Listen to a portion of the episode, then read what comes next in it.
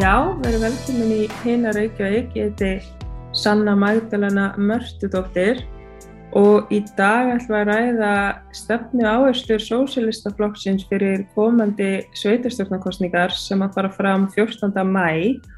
og í gegnum þessa þætti Hina Reykjavík þá hef ég lært ímislegt um það sem að þarf að laga og bæta og, og þessi þættir hafa sannlega hjálpa til við að hérna, heyra hvað það er sem þarf að laga í sveitafélaginu Reykjavík og hérna, þetta hafa verið þættir og samtöl við fólk allstæðar að og samfélaginu, bæði íbúar sem að hafa reynstu af já, húsnæðiskerfinu og, og fjárhastastóð og svo er þetta líka starfsfólk sem að hefur starfað í, í, í um, grunnskólum, leikskólum og með reynslu af að við að vera dagfóröldrar, svo eitthvað sína. Þannig að hérna, þetta er auðvitað þessi reynsla sem maður tekur með sér um, eftir að vera borgarfjöldrúi og ég var eina af þeim sem kom að því að skrifa þessa stefni yfir lýsingu á samt uh, hópi góðra félaga og eitt þeirra, Guðmundur, hann er hér með mér í dag og við ætlum svona að fara yfir, yfir þessa stefnu yfirlýsingu, eða manifestum eins og þetta er kallað. Um, við byrstum þetta á heimasíðinu okkar, socialistaflokkurinn.is. Þetta er mjög ídalegt plagg. Um, að kannski að gefa þér orði? Svona hvað er sem við erum að, að byrsta með þessu? Fyrir svona áherslu punktarnir eru?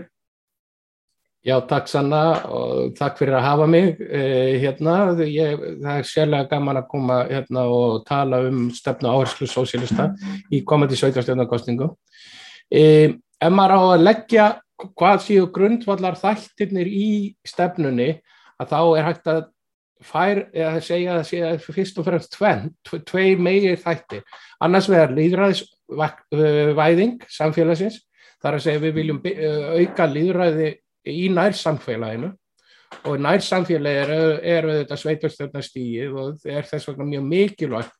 fyrir okkur að, að leggja áherslu á það að fólk komi með beinanhátt ekki bara að kjósa fulltróða sín á fjórar og flesti heldur verði þáttakendur í ákvarðanatökunni sem að fer fram inn á sveitarstjórnastíginu. Og til þess að það sé hægt að halda upp í þeirra öfluð þjónustu sem að sveitafélagin gera og eiga að gera, þá þarf við þetta fjármagn. Og hinn stóri þátturinn í stefnumálum okkar er það að við viljum leggja áherslu á það að sveitafélagin fái stóraugna fjár, fjármagn og staðstil þátturinn þar er það að fjármastekjur muni bera útsvar. Og við e, bendum á það í þessu stefnumáli að ef að fjármastekjur hefðu verið útsvarskildar eins og launatekjur, að þá hefðu um 17 miljardar e, runnið í hendur sveitafélagina og það er hægt að sjá fyrir sér hvað er hægt að gera gífulega margt þar. Og það, meðal annars viljum við nota þá peninga til að efla, efla nærþjónustuna, við viljum að eh, öll eh, þjónusta verði meir og minna gjaldfrjáls. Og við teljum að með þessari fjármagnur sé það hægt. Og eh, börn sérstaklega eiga ekki að borga, þau hafa engar tekjur. Og það, það viljum við ekki, þá erum við ekki bara að tala um skóla og skólamáltíðir eða eitthvað slíkt heldur eru við líka að tala um íþrótaðirkanir og tómstundahirkanir sem eru mjög mikilvægur þáttur í lífi badna og ungmenna. Þannig að með, með þessum auknu fjárvætingum að þá gefst, gefst nærsamfélaginu eða sveitafélaginu tækifæri til þess að auka uh, uh, að veita þessa þjónustu og uh, þetta eru svona megin áherslunar áherslu þættirnir sem við viljum leggja á sem sósialistar og eh, sem dæmi um þá aukna líðræðisvæðingu að þá hafa nokkra borgir út um allan heim tekið upp það sem þeir kalla þátt eða, uh, það er segja uh, participari uh, hérna, fjárlagagerð og fjárlagins að, að með því að taka taka þátt í uh, fjárlagagerðinni að það geti almenningur raða þeim, þeim eh, forgangsmálum sem að þau vilja gera. Og, eh, og eh, þá sé lagt fyrir að það sé ekki bara kjörnir fulltrúar sem komi að, að, að hérna, fjárlagagerðinni heldur séu það líka fólki sjálf og þá líka hefur ná íbúðnir tengslum við, við ákvarðanatöku sem að hjálpar til að, að, að hérna, hjálpar til að, að að til dæmis að forgansraða verkefnum sem er, það hefur stundum verið gaggrínt að, að e, e, sveitafélag hafi viljað frekar, e, frekar upptekinn að byggja stór íþrótamannverki meðan að annað grotna niður. Þá getur fólki komið og sagt sína skoðanir á þessu. Íþrótamannverki eru þetta að hérna góða en það getur verið að það sé, það sé valmöguleikar á milli ákveðna fjárfestinga versus annara og það, það okkur fyrir ekki það sjálfsagt að almenningu komi nála þessu með beinum hættu. Við, viljum, við kallum þetta þáttöku líðræðislega fjárlaga gerð. Participatory budgeting er þetta kallað á ennsku og við teljum að þetta sé alveg gífulega mikilvæg þáttu, sérstaklega það sem við viljum auka þjónustu og tekið sveitafélagana mikið. Þetta er svona í grunninum uh, það sem að uh, stefnumál okkar eru og, og ég hvet sem flesta til að kynna sér þetta, kynna sér þessa, þessa áherslur okkar sósélista fyrir sveitastjóðarkostningarnar. Mm -hmm, takk fyrir þetta. Það er einmitt svo miklu fjármunir það fyrir alltaf eftir starf sveitafélag en þetta er svo gríðarlega fjármunir sem að eru þarna og þessi tala sko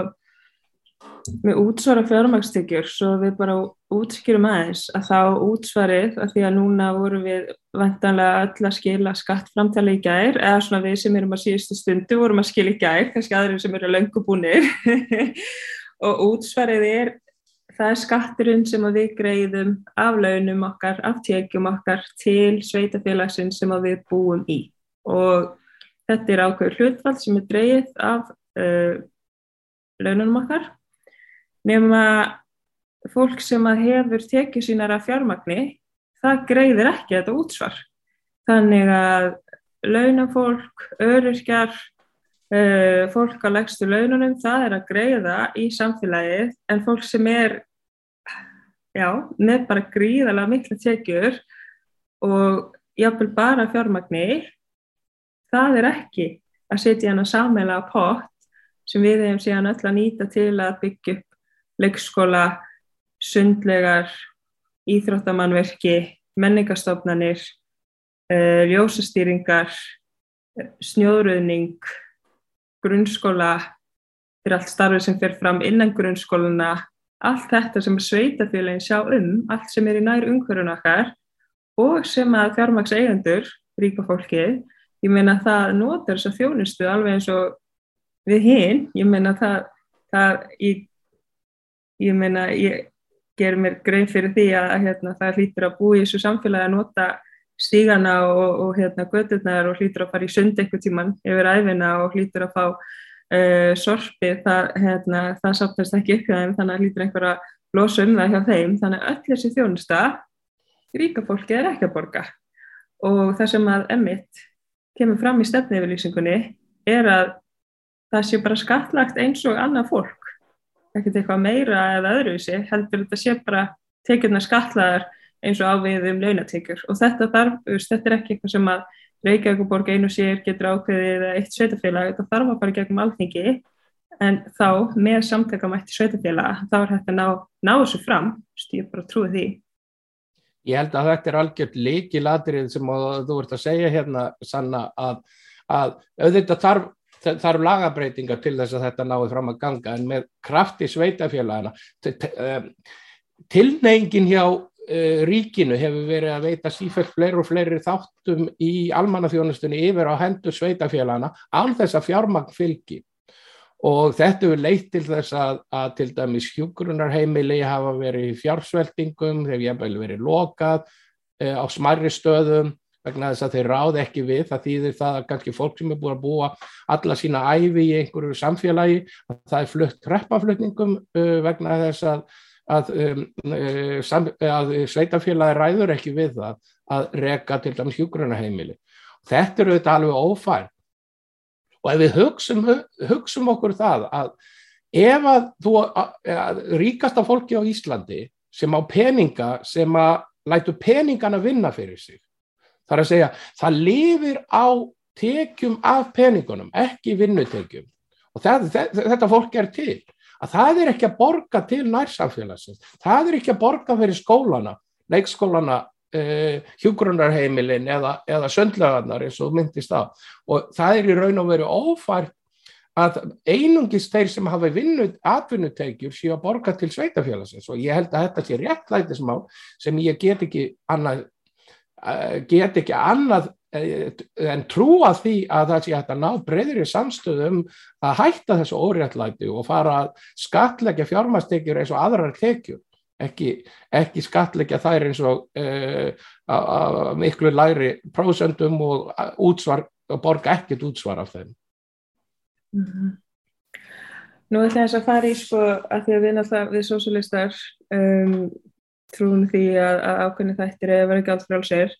nú ætla ég að fara bara í annað hlutverk og spyrja af hverju af hverju á grunnskólinu að vera gjaldfráls ef ekki bara passa að fátæk fá að borða, ég meina af hverju ættir ríkböld að fá fríkt að borða? Ef ekki bara passa að veist, þessi sem koma af, af heimilum þar sem það er ekki til nægu peningur að við séum að borga matinn fyrir þau, ég meina af hverju ættir þetta að vera fríkt fyrir öll börn? Um, væri það ekki eitthvað skrítið, hverju ættir að vera eða peningnum einhvern veginn í, í þetta þegar að fóröldra geta alveg borga matinn fyrir börnin sín, ég meina hverju pælingi með því, hvað hérna, af hverju Þetta er alveg grundvallar, uh, nú komum við á svolítið merkilegur grundvallar pólitík, er það að við sósílistar, við lítum á að það, það að vera borgari í samfélaginu, að það því fylgja ákveðin réttindi. Það er að segja að þú hefur réttindi sem samfélagsþegg sem að þú hefur rétt til að sækja. Og við teljum að öll börn eigi rétt á því að fá ókeipi skólamáltiðir, ókeipi skólavist, ókeipi tónstundar, bört sér frá, uh, frá hérna, uh, fjárhaststöðu foreldrana. Við viljum ekki vera, setja börn í þá stöðu að það þurfi að koma með einhver kort eða einhverja miða sem segir hérna ég er svo fátækur að ég á að fá fría máltíð eða ég á að gera þetta eða hitt. Og með því að, búa, að búa, færa stjætskiptingur sem svo sannlega er í samfélaginu e, alveg niður á skólastíu inn á, á börnunum, börnin sem koma frá fátakum heimilum. Og þau þurfa ekki mei, það, þarf ekki vera nuttaði framann í þau að þau komi af fátakum heimilum allstaðar í samfélaginu. Þegar við tölum um spurninguna hvort það sé ekki já, þeir sem hafa efnaði að borga skólamáltíðir fyrir, fyrir börnin sín hversu reyða þeir ekki gera það ég vil snúa þessu við. Ég vil taka, ég vil sækja peningana í gegnum skattakerfið af þessu fólki. Ég vil hækka skattana af hátekjufólkinu og ég vil hækka, setja útvarstekjur á fjármastekjurna þeirra og láta þau borga, það ríkasta fólki borga samkjarnar uppæðir til samfélagsins í gegnum skattakerfi ég vil, og þá líka segið þú ert að þá núna, þú ert ríkur, þú hefur efnaði að borga meira en þú ert líka þáttakandi í samfélaginu. Og börnin þín eru þáttakandur í samfélaginu, það þýðir að þau hafa rétt, það er þeirra réttur að sækja ókepis tómstundir, að sækja, fá ókepis skólamáltið, burt sér frá tekin fóreldrarna, en ég sæki, vil svo sjálfsögðu sækja til ríkustu fóreldrarna meira. Mm -hmm það eru bara ákveðni þættir sem að eiga ekki að kosta og það maður hugsa hvernig það er að vera bann í dag og bara þegar þú ferði gegnum daginn þá ætla kannski eftir skóla í sund með vinunum og svo er verið að spyrja hvort þú viljir emitt fara að æfa dans með félagunum, það er alltaf þessi meðvitind um kostnað eða allavega hjá börnunum sem eru þurfa að vera meðvituð um hennan kostnæðapakka. Þetta er alveg rosalegt, svo æfir eitthvað, þá er það æfingagjöld, það er fatnaðurinn, það eru einhverja ferðir, einhvert með félaginu sem þú æfi með og þetta er bara greiðlega kostnær og það er að mitt vera að sapna fyrir einhverju kannski til að komast um, þetta er bara, það er dýrst að vera bann í dag og hérna það bara kostar að vera, það kostar að taka þátt í þessu, í þessu öllu saman og það er bara streytuvaldandi að, að hérna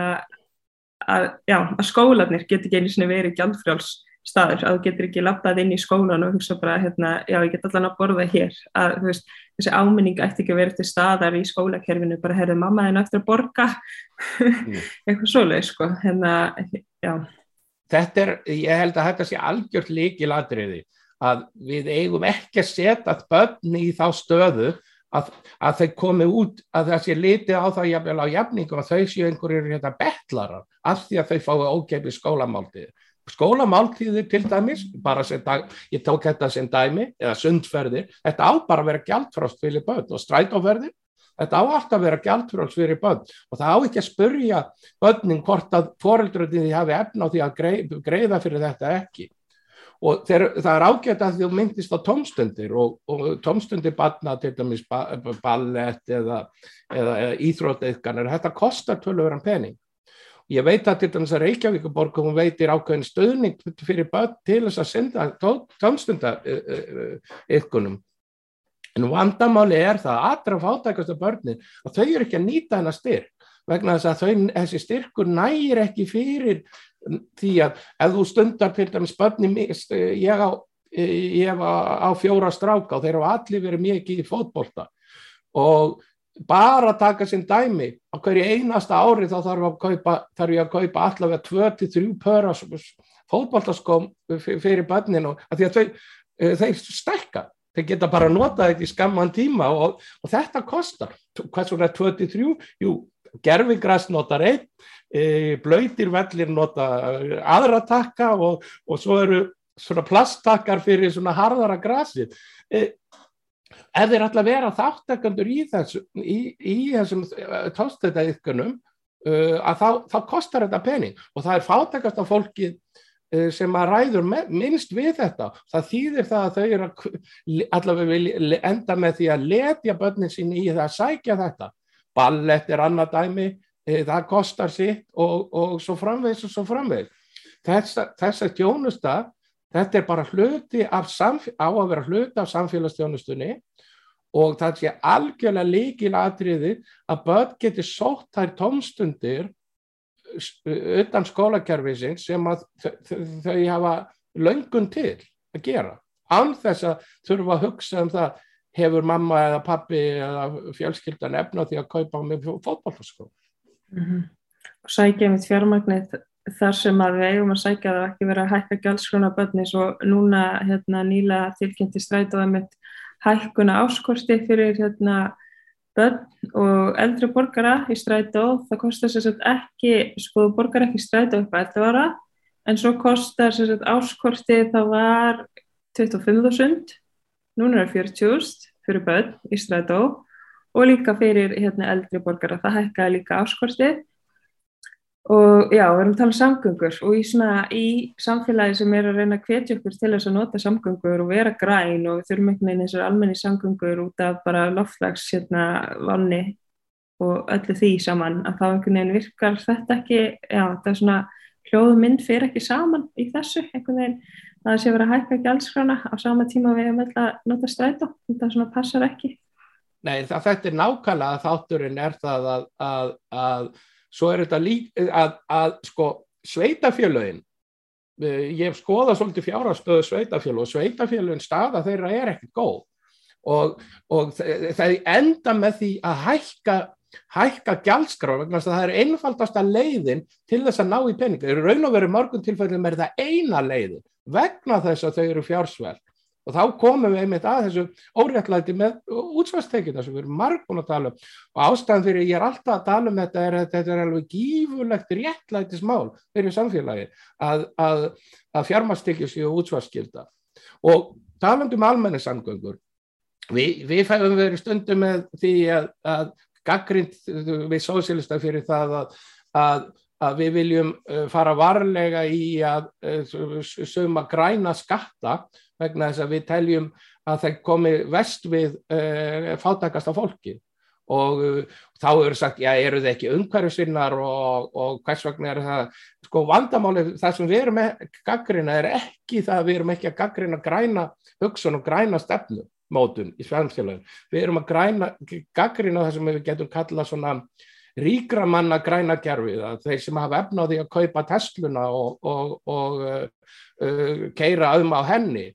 að uh, við, það sem við viljum aftur á móti gera á móti, við segjum við, uh, við viljum stór efla almenningssamgöngur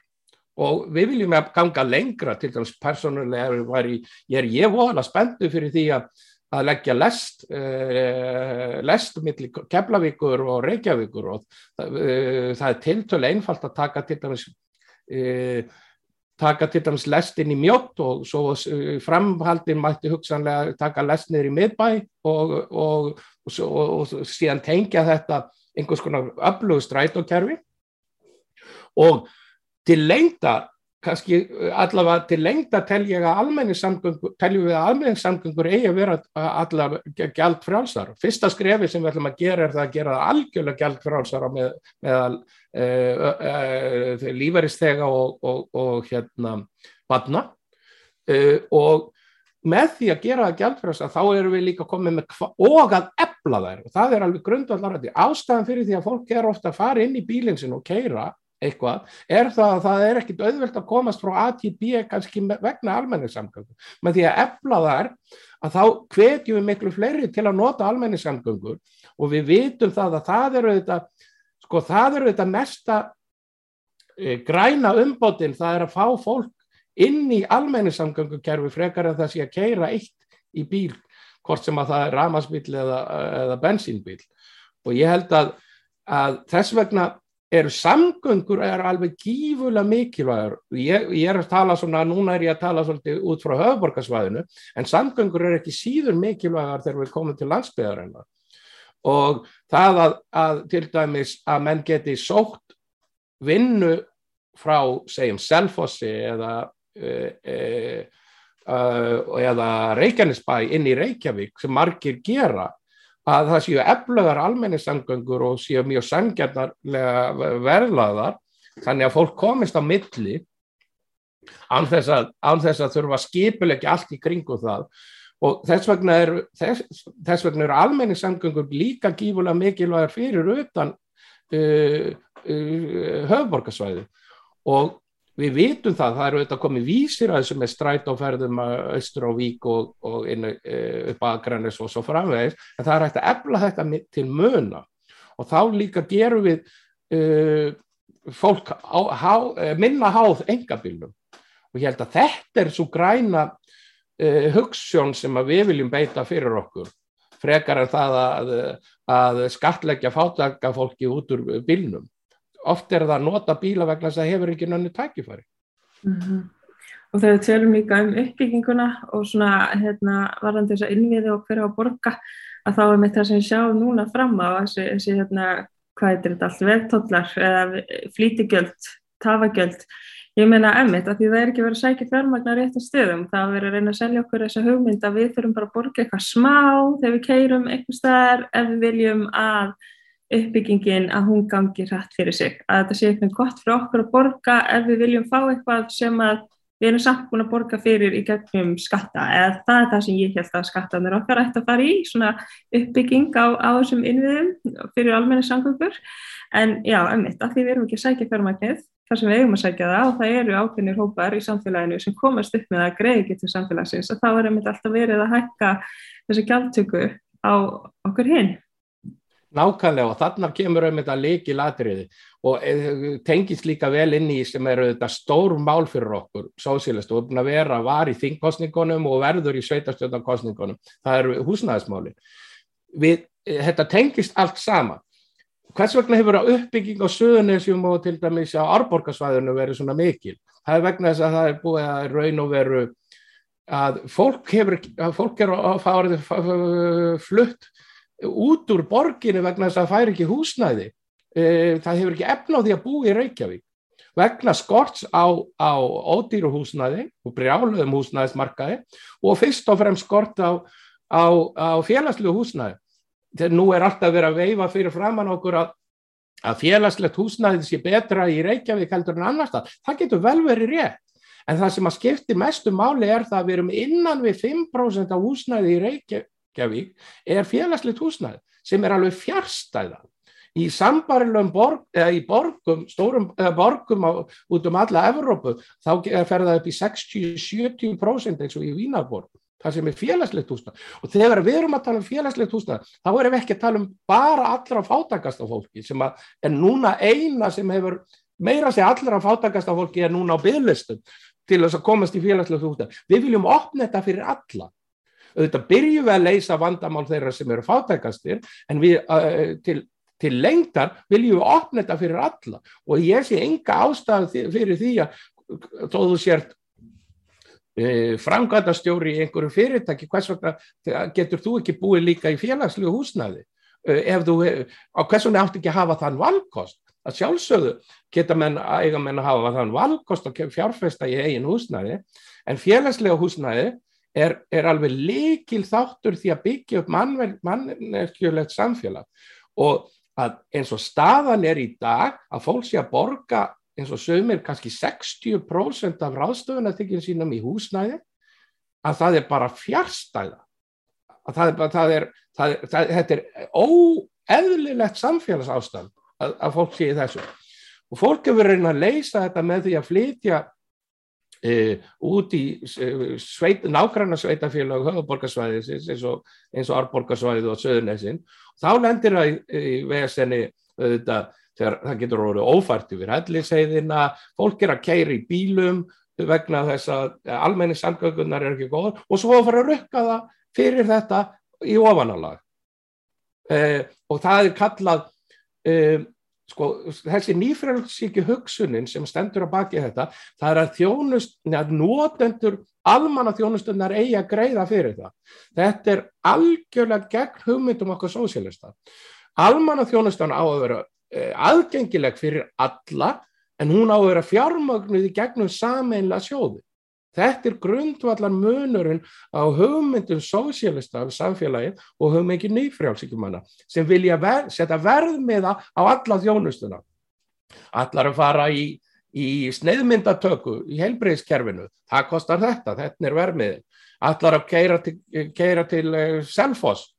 E,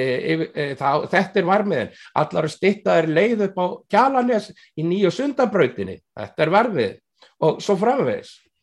og þetta er, þetta er ég held að núna við þarna sjáum við mitt grundvallar mönin á hugssjónu sósílista sem segjast almenningur á rétt á þessari þjónustu og hugmyndu nýfjörðsíkjumenn segja að þjónustan á að vera til gegn greiðslu. Já, það hefur einhvern veginn allt verið færstin á markað og þegar við tölum um félagslegt húsnaði dag þá er eins og fólk hugsið svo oft eitthvað svona já, ef þú hefur eitthvað svona átt eitthvað svona erfitt líf og ert bara rosa fátæk að þá byrði félagslega húsnaði en húsnaði er eitthvað sem við eigum að rétta og húsnaði er mannréttindi. Þannig að þú veist, þegar við tölum um félagslegt húsnaði, húsnaði er bara eins og heilbríðstjónusta, húsnæði er bara eins og matur, húsnæði er bara eins og að eiga pening út mánin, þannig að við færum ekki að tala um eitthvað svona, já, þarf þú svona félagslega heilbríðstjónustu, þarf þú mm. svona uh, félagslega orku til að kveikja ljósin heima þér. Ég menn þetta er bara svona grundvallar þáttir sem við þurfum all, þannig að þetta ætti að vera bara svona, já, þarftu húsnæði, emmitt, við þurfum all húsnæði, þannig að þú veist, ég held að það þurfa að fara fram svona endur skilgrinning á orðinu félagslegt húsnæði til að færa það aftur í það sem það raunverulega þýðir einhvern veginn, af því að það verðist vera, já. Nákvæmlega, ég held að þetta er, sko, upp úr setni heimstyröldinu á, á Vesturlöndu, sérstaklega á Norðurlöndum, en margum aður, já, flestum uh, þróðari löndum, þá alveg, var alveg gífuleg húsnæðisuppbygging. Og þá var þessi hugsanáttur, allir eigi rétt á húsnæðum, þá voru útrýmt og Íslandi var þetta líka. Voru, við vorum með braggakverfin vegna, vegna húsnæðiseklu og menn voru sammála um það að það þýrt að útrýma þeim og þá var ég að byggja breyðholtið og þetta var gert á samfélagslegum forsendum. Núna er þetta allt gert að það er bóðið út lóðir og þeir sem borga hæst fyrir þar, þeir byggja, hvað byggja þeir? Þeir byggja luxusýbúður vegna þess að þannig græða þeir mest. Þetta er allt gert á forsendum markaðarins. Þegar við erum að tala um félagslegt húsnæði, erum við raun og veru bara að tala um óhagnaðadrifi húsnæði. Það er að segja, eða sjálf fjármagnað húsnæði. Það er að segja að það sé ekki verið að taka e, hérna, gróða út úr þessum e, grundvalla mannréttindum fólks að hafa einn stað til að búa á, heldur sé það bara fjármagnað af sjálfu sér. Það er óhagnaðadrifið og það er þetta sem að, þegar við segjum félagslegt húsnæð þá erum við raun og verið að tala um óhagnaða drifið kerfi og margir hafa einmitt gaggrind okkur fyrir það vegna þess að þeir líta á félagslegt húsnæði sem einhver neyðar urraði. Við viljum snúa þessar umræðu við. Við viljum segja allt húsnæði á meir og minna að vera félagslega rekið eða óhagnaða drifið. Mm -hmm. Það er enginn að vera hagnast á þörf fólks fyrir þessum grunn, grunn þörfum. Nákvæmlega. Já, eins og það heyrið að þá, hérna, já, þá getum við talað mjög lengi um þetta en við bara hvetjum ykkur til þess að skoða stefni yfir lýsinguna en á socialistaflokkurum.is og um, já og hérna og hvetjum ykkur til þess að fara inn á samstöðin.is og hérna gerast félagar uh, þar og allþýði félagi stendur á baki uh, samstöðinni. Þannig endilega skrá ykkur og stiðið við félagið. Um, ég held að við hverjum hérna er eitthvað svona sem þú ætti bæta við að, að lókum? Nei, ég verður bara að lókum þakka fyrir tækifæri og uh, vera, ég er bara mjög stoltur á því sem að samstöðin hefur verið að gera. Það er hver snildar þátturinn á fætur öðrum og ég ætla að hvetja alla til þess að gera áskrifundur. Ég, ég er eist áskrifandi snemma, núna er, ég sé ekki eftir þeim peningi eins og ég borga mína áskrift fyrir fjölmila eins og stundina þá borga ég líka mína áskrift fyrir samstöðun og ég ætla að hvetja alla til að gera það. Og að lokum vil ég bara þakka fyrir það dækifæri að koma hingað og, og tala um stefnum uh, áherslu sósílista í, í komandi sveitarstjórnarkostnum Takk kærlega fyrir. Þetta var hinn Reykjavík í dag